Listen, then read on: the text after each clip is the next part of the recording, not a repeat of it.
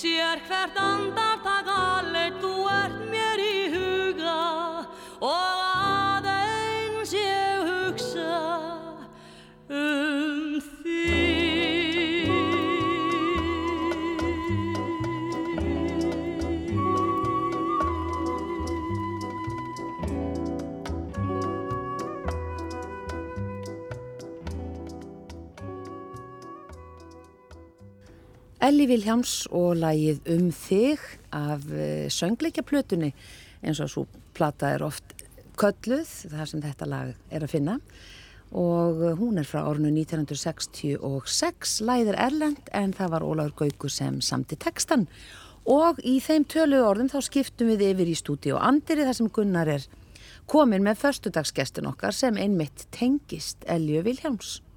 Já, þetta er sonur Eljar og Svavaskest og hann er ekki frá 1966, erst ekki fættur 60... 67 67 ári síðar. Já, þannig að Máni Svavarsson, takk kjærlega fyrir að vera förstaskeistu mannlega þáttarins í þetta sinn. Takk fyrir að, að, að fá mig. Já, Þú hefur nú örgulega þá heyrt þessi lög bara í móðurkviði.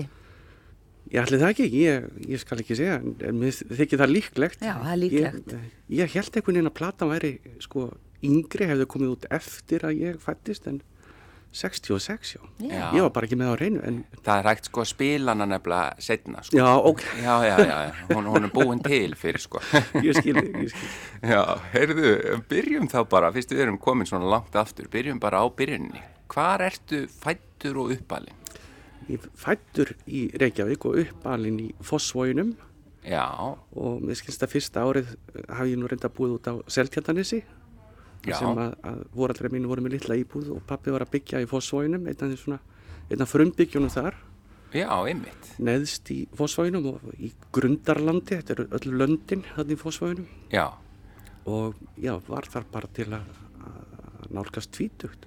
Sko, bara strax kemur upp í hugan á mér, já, þú kannski manst ekki eftir þessu fyrsta ári á Seltjarnanesunni því að, að Fossóður er annálaði fyrir logn. Já, Seltjarnanes er ekki annálað fyrir akkurat. Já, en þú manst kannski eftir þessum Ég muni. man ekki eftir því því, ég segja alveg svo verið Já, en hvernig var að alast upp í Fossóinum? Það var logn, það var, Já, já, það var indislegt já, og þetta hverfi var að byggjast upp og, og mikið af börnum og, og þetta var svona hverfi sem var byggt af danskri fyrirmynd skils mér þannig að það var að ferðast út um allt á göngustígum þurftur aldrei að fara yfir götur og svona stór græn svæði sem að skiptu hverfin upp já, og þar var mikið bralla fótbolti og, og útileiki bara eins og, eins og, eins og gekk og gerist og Já. hérna og Fossvóksskóli var hérna nýr skóli svona hálfgerðu tilrauna skóli mann ég alveg niður í dalnum. alveg, jú, alveg neðsnir í dalnum? Já, og svona opin skóli það var sem sagt það var ekki hérna beina kennslustofur heldur svona stóra rennihurðir og maður gæti bara flakkað um skólan ákveði hvort að nú bara inn í aðra árganga, já, já þetta, þetta var bara svona einhvern veginn opið allt saman. Þetta var mikið tilraunaverkefni. Já, og já, maður gæti verið í íslensku og síðan bara lappaði inn í starffræði og svo fekk maður passa ef maður hafði staðið sér vel og þá máttur bara lappa inn á bókasafn og slaka og slefta að vera í kennslustund. Þetta var mjög skemmtilegt og skapandi og, og mikið föndur Já. og, og veit að margi krakkar sem eh, voru í fósálskóla voru að búa til svona flott líkun, föndra líkun af Íslandi eða Evrópu eða jöklum og fjöllum og svo framvegis og þetta var mjög skemmtilegt nám skapandi greinilega. Skemmtilegur- mjög skapandi og skemmtilegu tími Og Já. þetta hefur átt vel við, af því það á nú ekki vel við alla að vera í svona uh, námi sem svona svolítið löst í reipunum eða þannig lagað, en þetta hefur átt vel við þig. Já, átti, átti vel um mig og, og á þessum tíma vorum við ekkert að hugsa svo mikið um það hvorki við krakkarnir, nýja foreldrarnir hvort þetta væri eitthvað mikið öðruvísi eða laustir ef þetta bara var svona þá gerðum við bara svona sko. Já, Og fannst þér þetta eh, svona bara, ef þú hugsa til þinna samnefnda frá þessum tíma, finnst þér svona hafa ræst mikið úr þessu fólki svona sköpunarlega séð? Að fólk hefur fengið þarna Já. ákveðið frelsi fyrir framtíðina? Ég held að mikið af þessu fólki ekki endilega kannski skapandi greinum heldur bara hefur, hefur náð langt og, og opið og víðsýnt finnst mér og kannski þessi grunnur hafi, hafi svona, já, verið grunnurinn að því, ég skal ekki segja. Þetta er algjör nýjung á þessum tíma. heldur betur þetta var og ég man að einhvern tíma gerðum við uppreist þegar við vorum 12 ára þá vorum við einhverja bók og það var tilrauna bók og þetta var tilrauna skóli og, og ég og nokkri félagar ákvaðum að, að gera svona skilti við erum ekki tilrauna dýr ég veit ekki alveg lakkur að þetta var alveg frábært. En þrömmuði síðan um skólan og ég manna við vorum að taka leði og kasta í skólan og vorum alveg brjálæðir. Nú þetta hefur verið alvöru mótmæli. Þetta voru alveg mótmæli. Þángatölu vorum kallaðir inn til skólastjónans og bennum að hætta þessu snarast. Og þá gerðu það bara? Já, það var, var þetta bara búið. Þetta stóði yfir í svona klukkutíma og Já, þetta er svona ka- mest, mestu mótmæli sem ég tekið þátt í held ég hinga til. Og köstuðu leðju já, ég manna hvað stuði leði og okkur þótti það rosalegt statement. Já, já, sem að það er. En þið náðuð ekkert að breyta þessu eh, komið einhver áleiðis? Nei, ný, og ég, og ég sagði, ég veit ekki akkur vorum að þess að þetta var, vorum mjög sátti við skólan okkur þótti bara skrítið allt þetta tilrauna Já, en sko, ég var einmitt í æfing á tilraunaskóla kennar Háskóla Íslands Já. sem að ég var einmitt svona tilraunaskóli og það var gert mikið grína okkur í öðrum skólum var einhvað verið að gera það? Nei, ekki, nei, ég fann ekki mikið fyrir því Við vorum svolítið einangur þarna í fósfáinum og, og það var ekki fyrir við fyrir síðan yfir í réttarhaldsskóla í gagfræðaskólan þar að þá blanda saman breyðageri og fósfáskóli og þá svona kynntist maður nýjum nefndum og, og nýju fólki Já, það er þegar gagfræðadildin byrjar Já, Hve- Hvernig var það? Hvernig voru þau umskipti fyrir þig? það var það, eins og eins og fyrir marga þá er skrítið að vera allt í einu elstur og síðan ertu allt í einu yngstur að vera 12 ára og vera aðal Já. og svo ertu allt í einu bara 13 ára og ert svona og ert bara businn Já, já, þetta er mikil breyting ja, þetta er stórkosli breyting fyrir þennan aldur 12-13 ára þegar maður allt er svona bara já, maður er að mótast og, og fatta hver maður er og hvað maður getur gert og Já, og það er, þetta er í miðri hormóna sprengju Já, Hvernig voru úlingsárin hjá þér? Þau voru mjög, mjög skemmtileg. Ég uh, tók mikið þátt í félagslífinu og, og þarna var maður að byrja að grúska þessi tónlist líka. Og voru konum svona smá skóla hljómsveit og fengum að æfa í kjallaranum í, í réttó og þar var mikið brallað, við vorum reyndar ekki með söngur, þetta var svona instrumental hljómsveit. Og eh, já, þetta var bara virkilega skemmtilegu tími, ég man ég tók þátt í skemmtinemdini og, og kom fram, þetta er svolítið sérstakt að því að ég kom fram klættur eins og kona. Já, því ég var að kynna skemmtan. Þetta kemur eins og þrjum ára heiskýru lofti. En hvað hérna, hvað, hvað var á bak við það? það, mér fannst það bara fyndið. Það var Já. verið að pæla í neinu öðru það. Mér fannst bara fyndið að Að klæða þig sem kona? og ég fekk mömmu til að hjálpa mér við að mála mig og sitta með gerfineglur og, og fór í dress og Þetta eru bara myndirna sem þú varst að setja einhvern tíman á Facebookuna um Já, daginn. akkúrat. Já, ég sá þessar myndir. Já, þú varst stórglæsilegur. Já, þetta Já. var bara og, og, engum fannst þetta neitt sérstaklega skrítið eða, og, sem það er kannski ekki, ég veit það ekki Nei, nei, bara í þetta í, í gerfi. og ég bara, ég man ekkert hvort ég kallaði með einhverju sérstöku nafni en síðan bara kom ég fram á svið og kynnir og, og kynnti þessari múnderingu til þess að þrísvar og, og þetta var bara frábært. Já. Já, já. Og bara gekk eins og í sögu.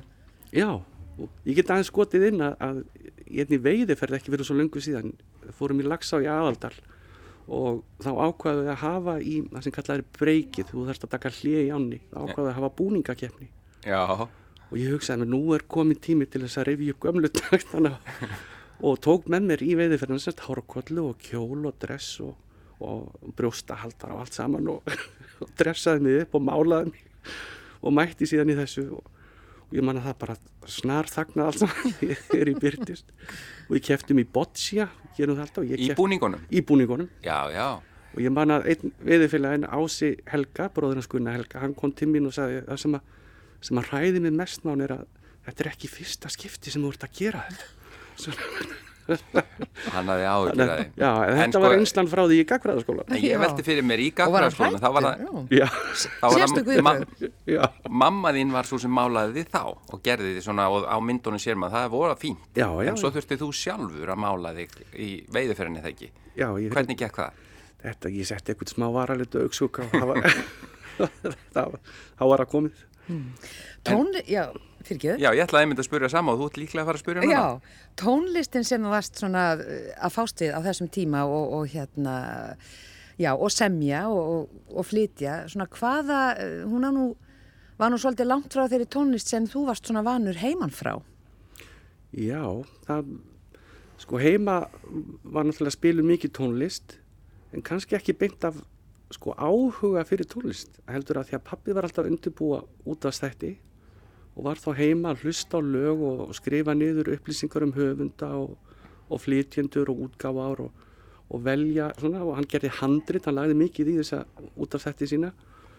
Og þar heyrði maður alls konar tónlist dægin út og einu þegar hann var að vinna þessu þáttum. Og sem ég held að við hjálpa mikið allt frá því að vera sko jazz yfir í bara pop tónlist bæði nýja og gamla kannski meira svona það eldra. Og held ég mjög gott að, að hafa alveg uppið þetta en á, þegar ég fór að búið til tónlist þá var maður bara að fylgjast með því sem var að gera, gerast í kringu sig og það var svona kannski nýbilgjan á þessum tíma svona punk og rock blanda saman Já. og við byrjuðum að reyna að búa til eitthvað svo leiðis og, og fljótlega það 14-15 ára fer ég er með búið að vera í hljómsitt sem heitir Drón, dansljómsitt Reykjavíkur á nágrunnis Já, alveg rétt. Sem að vann sér það svona helst til fræðar að, byrja sigur og bítum í fyrstu músiktilrunum Alveg rétt. Og var, þú varst með þá? Ég var með þá. Já, já, og, já. Og það var algjört ævintýri og við spiliðum tölvöld mikið í framhaldinu og þetta var svona, við vorum kannski ekki mjög, þarna var mikið nýbilgja og verið að, og svona, já eins og ég sagði, smá pöngi gangi kannski líka. En við vorum léttar, við blönduðum saman svona dansvænu pop-rock í einhvern veginn í einhverja samsöðu sem að fekk fólk til að taka eftir okkur. Og þetta var alveg ævindýralegu tími að því ég hef sko ekki komið bílprófin og, og mátti ekki vera inn á stu, sem stöðum sem vorum að spila á. Vorum jafnaldra hérna ég og Óskar Þorvaldsson einn minn besti vinnu síðan í Fossvöginum í gamla daga. Hann var trömmuleikarinn og ég á hljómborðinu og þetta var þetta var alveg frábært. En síðan endaði þá þá voru svona synthesizerarnir og trommuheilarnir fannir að taka yfir og ég fór að fykta meiri því svona upp úr þessu. Já, maður sko tengir þig daldi mikið við einmitt synthesizer eða hljóðgerla. Já, hljóðgerla. Já, já það er svona, ég, þegar ég sé mána svafast fyrir mig þá ert að spila á svoleiðis græu. Já. Áttir þú svona sem að maður hengir á sig eins og gítar, eða hvað heitir það, gítar? Nei, já, því miður, ég átti aldrei svoleiðis. Það var mjög mikið 80's. Já, mér, mér svona hljómbórstatið með þremur hljómbórðum á. Já. Já, svona stæðu. Já, svona stæði, mann ég horfði á Messoforti og Eithor Gunnars alveg Já. sko umkringdur hljómbórðum, ég þótti þetta alveg geggja, þetta fannst mér virkilega flott. Það var ekki hægt að hafa bara eitt er að í sambandi og þykjast að spila hinn. Þannig voru nú flesti tónleikandir sem ég átt eftir að spila á í framtíðina, það, það var alltaf playback og og aldrei kveikt á hljóðkjörlunum Nú? Það var í tísku þá er mitt Já, já það, það, það var bara playback. Það var bara playback. Já, og ég man að, að lítil saga tengt því þegar að, að ef ég spóla aðeins fram því ég var komin í hljómsveit sem heitir Piece of Cake sem er því er rúmlega tvítur að þá vorum við að spila í, í tónabæði mitt. Og ég og Július Kemp og Ingeborg Stefansdóttir söng.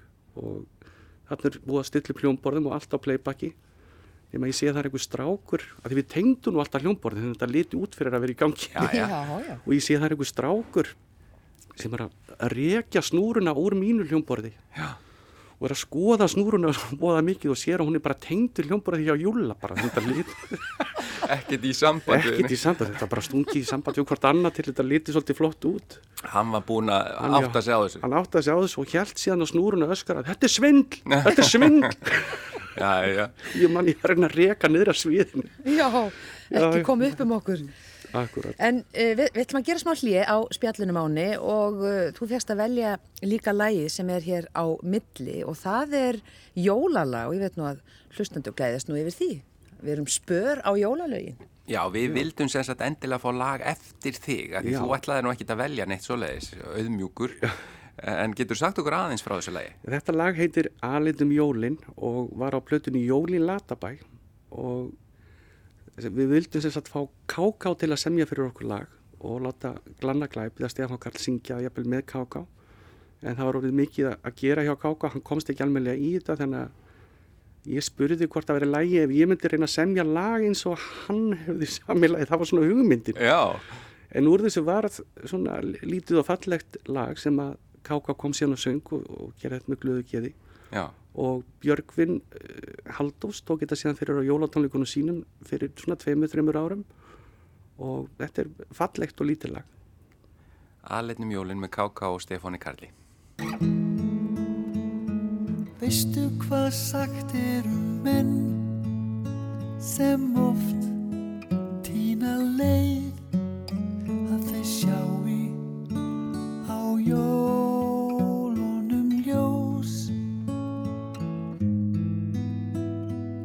Veistu hvað sagt er um þann sem oft stendur einn að að ná einhver nað um jólinn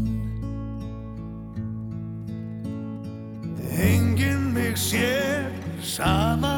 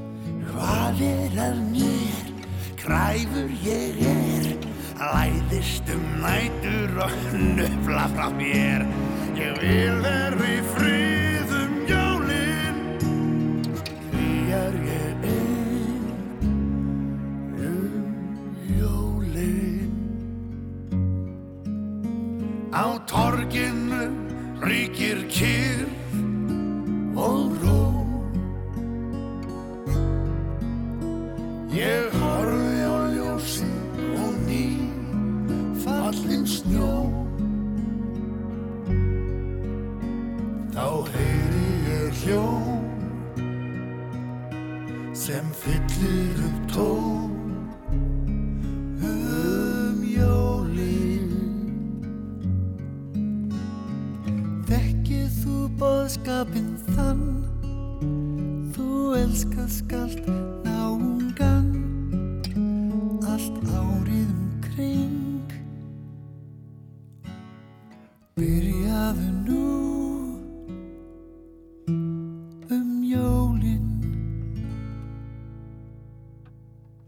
Alitnum Jólin, þetta voru þeir K.K. og uh, Stefán Karl sem sungum lag eftir Mána Svavars og Máni Svavars er föstudagsgestur mannlega þáttarins í dag og situr fram í andiri hjá Gunnari Hansinni.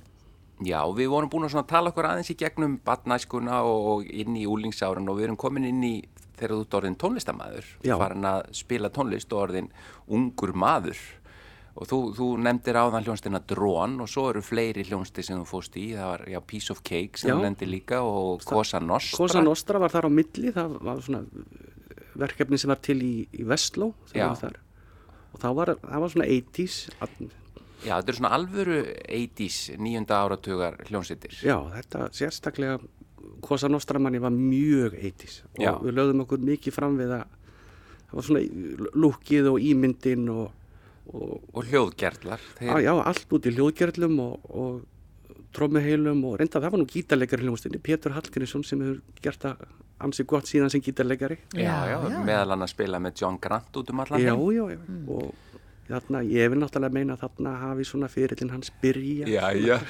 Fyrir alvöru.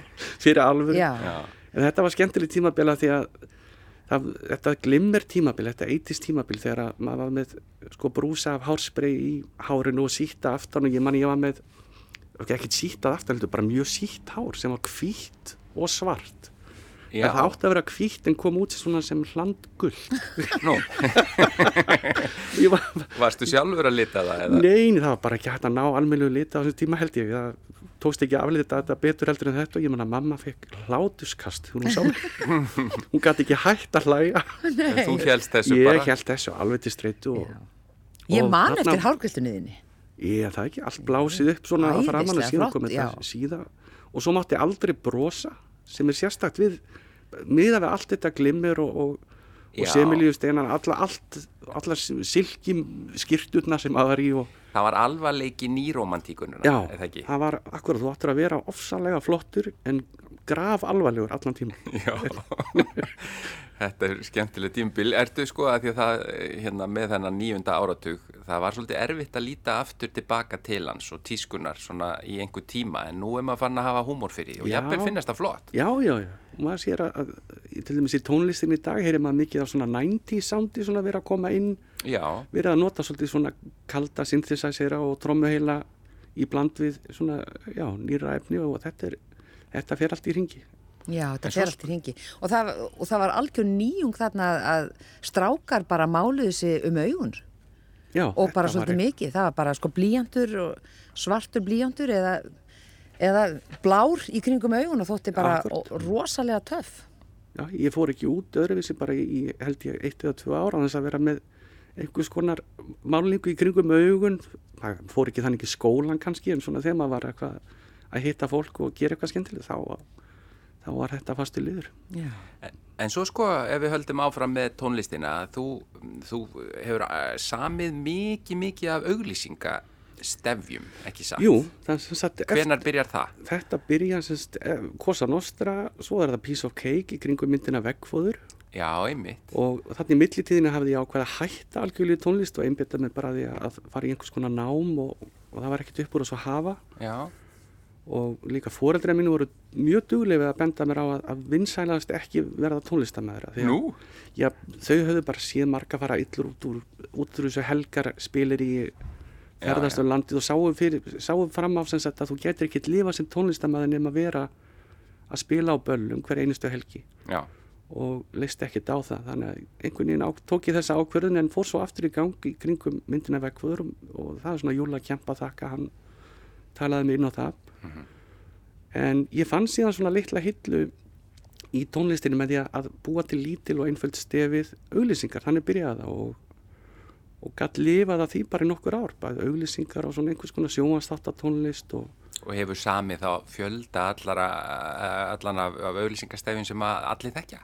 Ég, ég veist maður fólk mun eftir því dag kannski, þetta er margt að þessu hætti spilun, jú, jú, en margt, Já, já. margt var hérna, voru svona stef sem voru þekkt og heyrðust oft.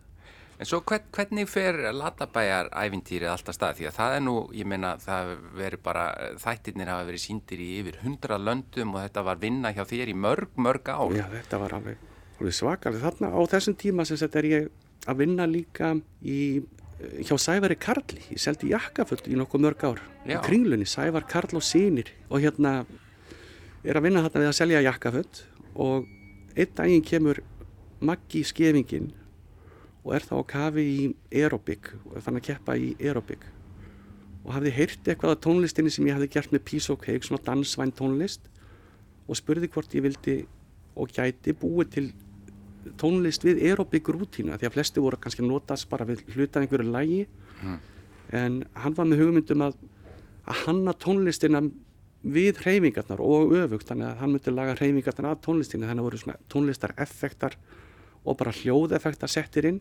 Já, og þetta er svona knapp, ég held að þetta sé einu og hálf mínúta hver svona rútína. Og þetta gerði ég fyrir hann tvist að þrýsa sinnum eitthvað svo leiðis og hann fór og kefti og, og vandi veluna og, og, og þessi og vakti tónlist aðtegli fyrir Já, tónlistina. vakti aðtegli fyrir þessa tónlist hvernig, hvernig hann notaði tónlistana með hreyfingunum.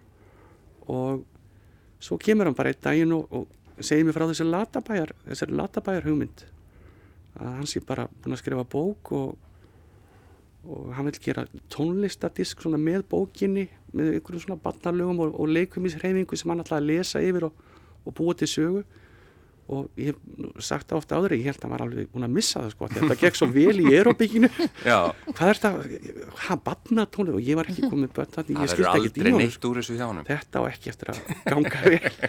En hann er ansi ítinn þannig að við lögðum á stað með þetta eða hann leggur á stað með þetta og ég tek þátt í tónlistarhlutanum. Og svo byrja þetta bara að vindu upp á sitt bara árið síðar er komið uh, söngleikur og leikrit í loftkastalanum uh, og svo nokkrum árum síðar er, er komið leikrit í þjóðleikhúsinu Glanni Glæpur í Latabæ.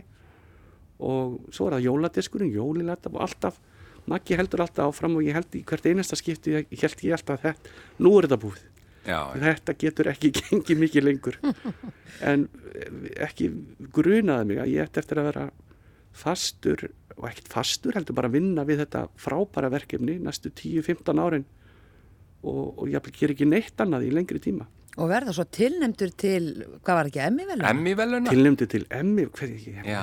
ekki hefði mig grunað fyrir batnatónlist en það var alveg frábært og, og Bing Bang lagið náttúrulega náði fjórðasæti á breska vinsendalistanum sem að var stórkostlegar voru stórkostlega frétti þegar, þegar ég frétti það þannig að þetta var indislegu tími Já, þannig að það, þessi, e, e, þetta stutta aerobik stef sem það byrjaði, þetta vatn heldur betur upp á sig. Já, og ég, ég segi það oft við krakkana mína að sem eru á, á þeim aldri að þau eru svona að fara út í lífið Mm og sjá kannski ekki hvað framtíðin byrju skauti sér og eru hugsaðlega jafnvel stressuð hvað, hvað ég fæ ekki vinnu við þetta sem ég er að læra og hvað gerist og, og þegar maður horfir fram af við þá lítur þetta svo óútreiknarlega út en þegar maður lítur tilbaka þá er þetta nokkuð við einn bein lína.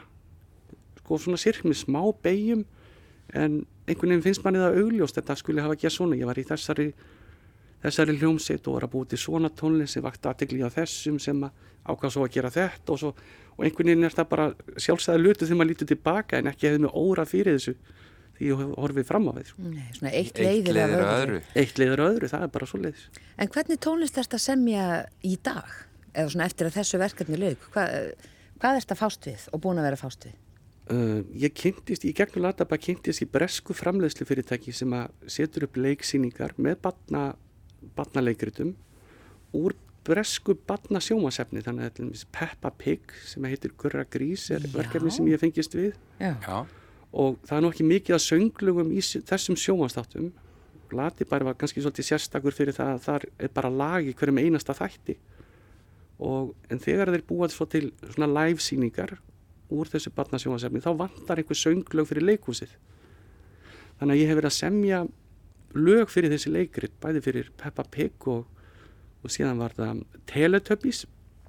Gerði tónstæna fyrir já, live sjóið þeirra sem að og ég er einhvern veginn, finnst ég vera að fara með alltaf yng, neðar og neðar í aldri, það var latibær og svo þeirra Peppa Pig sem er svona aðeins fyrir yngri svo Teletubbies fyrir þess að allra yngstu já, já. en ég sé fyrir mér að ég verði komin í tónlist fyrir óléttar konur Já.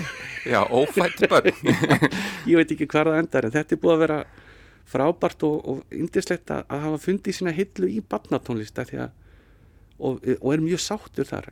Að geta búið til svona einfaldar og grípandi laglínur og unnið með þessum unnið með þessum merkjum eins og Peppa Pig og það sem hefur svona mesta rósi sem ég fengið þaðan finnst mér er þegar fólk kemur af leiksýningum og segir frábært, hvernig þið tókst að nota lögin úr sjónvastáttunum og það er engin lög í Þa- en láta þetta passa við brandið Mm. þannig að það er búið að vera mjög skemmtilegt ferð þá nú ætlun á verkinu ná. já, Og þetta er nú engin, engin smá risa sem þú múst að vinna fyrir í Breitlandi.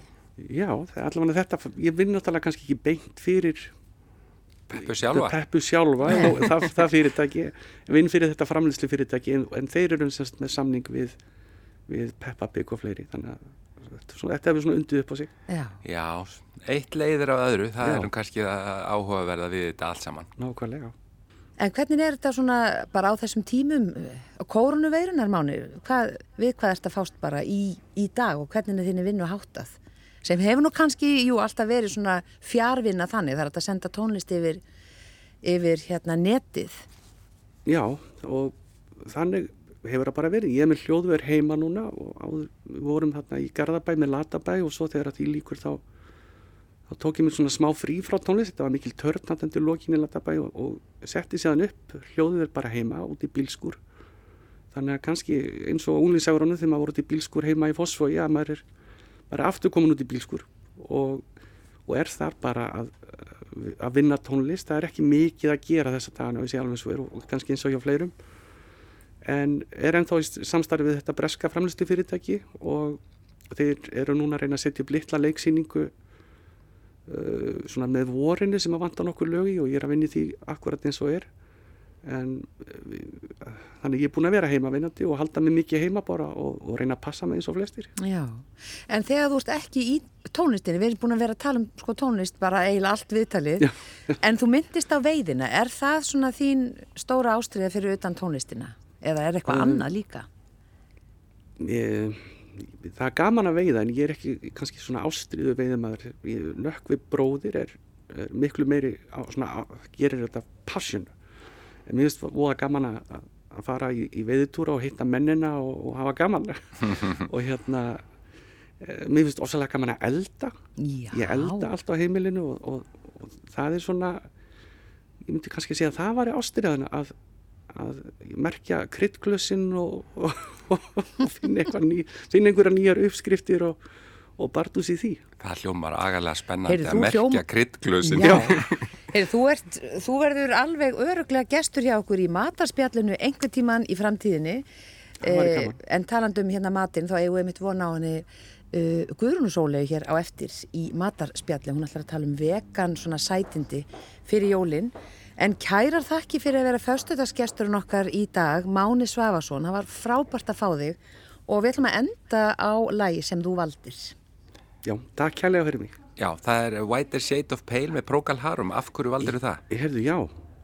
Uh, mamma hlustaði mikið á, á jazz Já, og Cleo Lane var svona hennarinn uppáhaldsöngkona en hún sagði mér einu sinni að þetta lag, White Shade of Pale með Procol, væri hennar uppáhaldslag og, og alltaf því ég heyri að þetta nú spila reglulega þá, þá hugsa ég til mömmu.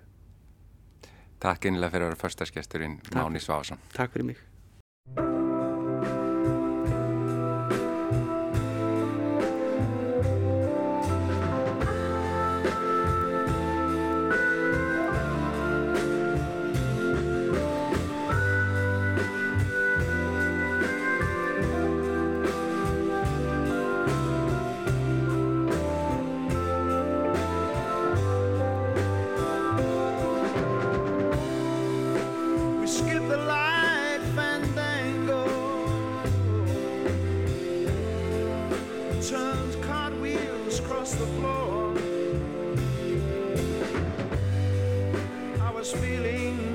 Kind of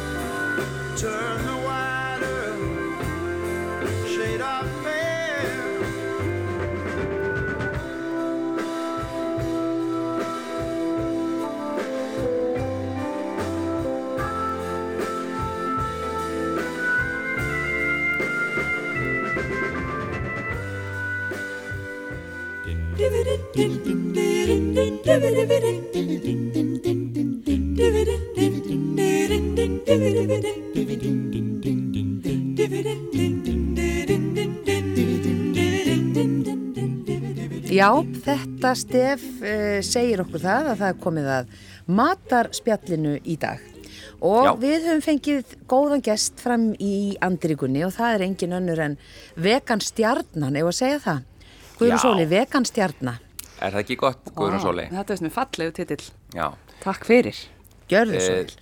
Þannig að ég er hér með tvær Guðrúnar eh, önnur fyrir fram að mjög hinn inn í hljóðveri. Já.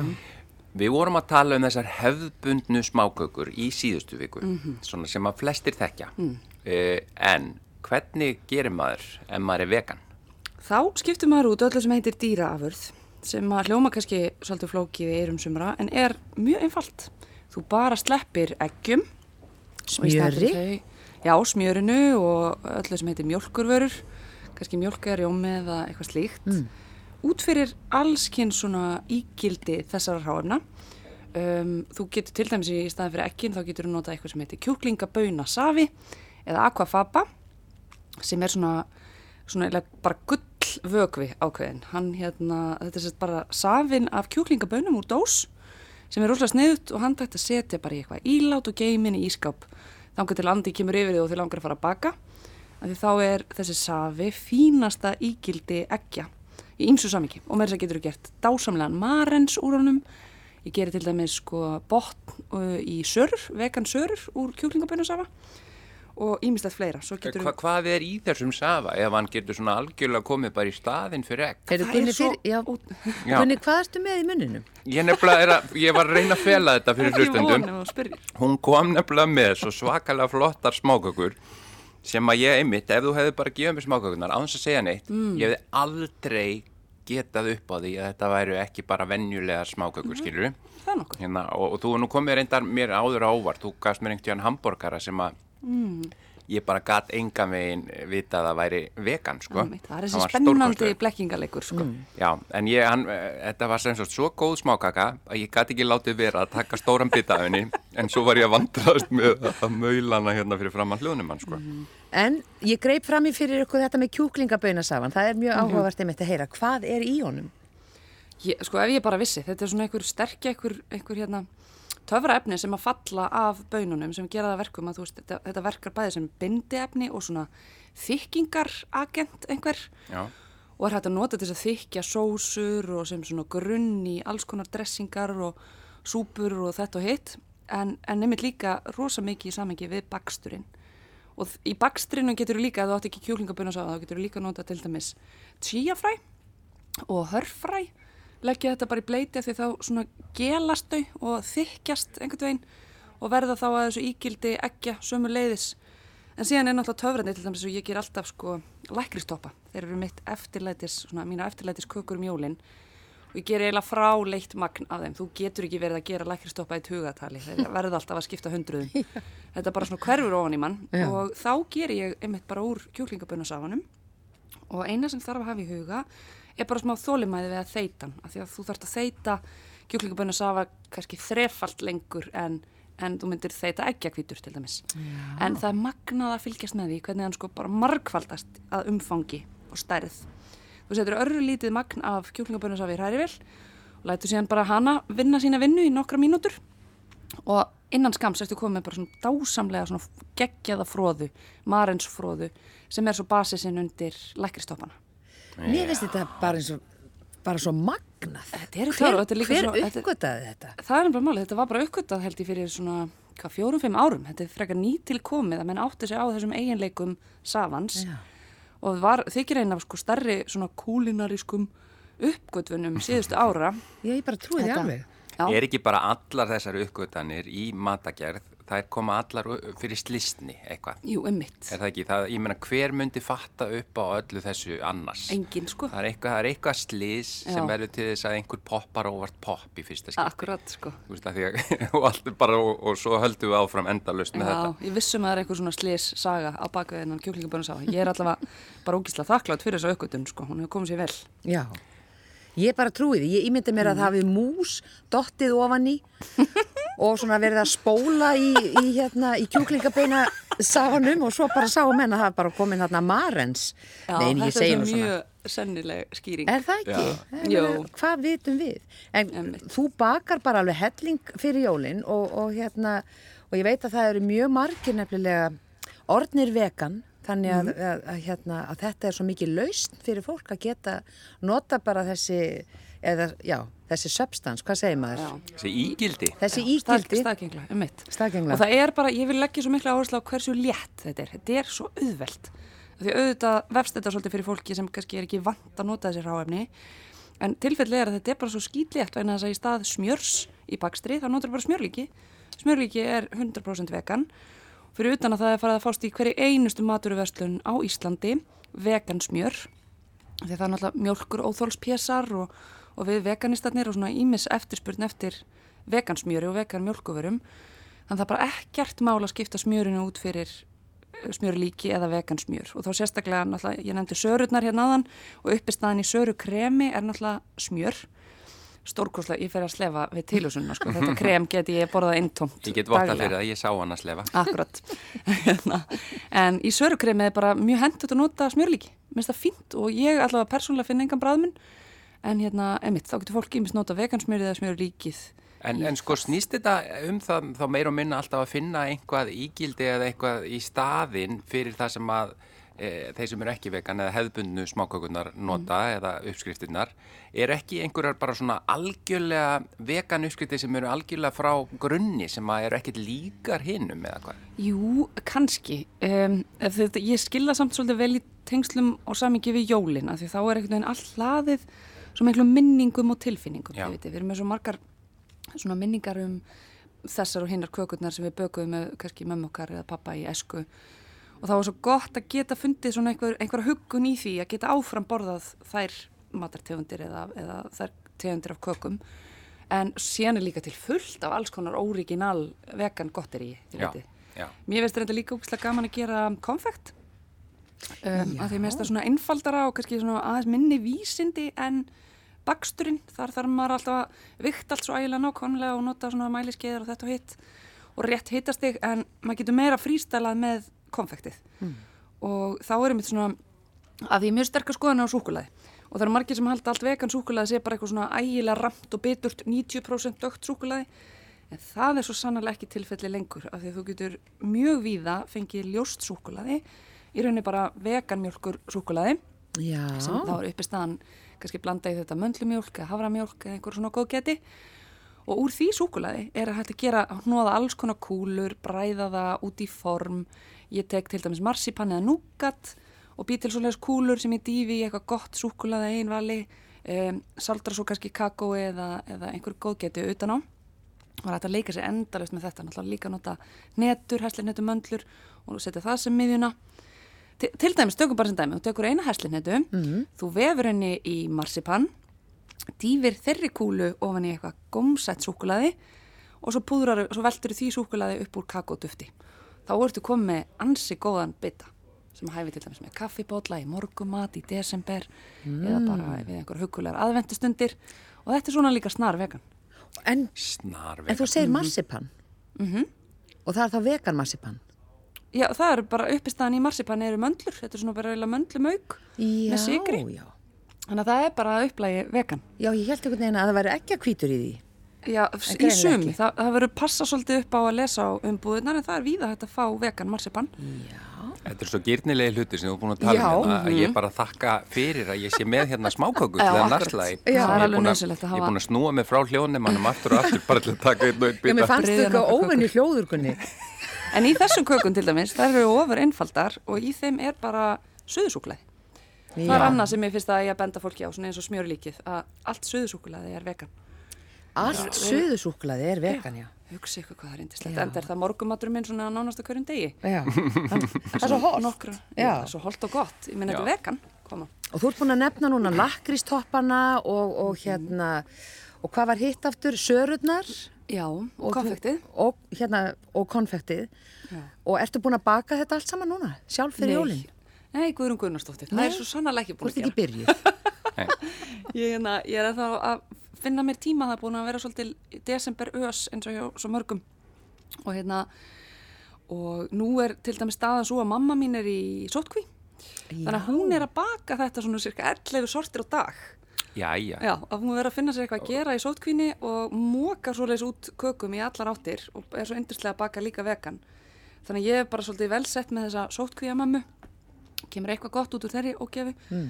Þannig að ég sjálf hef bara svolítið leift mér að taka mig frí frá baksturinn, en nú fer ég að byrja. Nú fer Já. þetta kikkin, ég gerði þessar kökur fyrir ykkur í morgun og það held ég sem svona efnilegu byrjunapunktur. Já, hvað er í þeim? Getur þú gefið uppskriftina? Hveiti, smjörlíki, pínuponsulítið, liftuduft, vanila, svo seti ég smá kaffi, af því mér stæði ekkert að gefa svona já, ég finn kaffibræði. Já, taka smá vamni úr því og svo bara suðusúkulaði í, í spæni og aðeins svona grófari bitum. Frábært, þakkaði kjærlega fyrir Guðrún Sólei gestóttir fyrir að nú ætti fólk að vera með fullt af hugmyndum hvort sem það eru hefðbundnar smákökur eða vegan. Takk fyrir mig. Já og þá líkur þættinum í dag annan janúar eh, en bæði viðtölinn, að segja viðtölu við Mána Svavason og matarspjallið með Guðrúnu Sólegu voru áður flutt eh, í þættinum eh, í desember árið 2020 en við þökkum innilega fyrir samfylgdina í dag, perið sæl.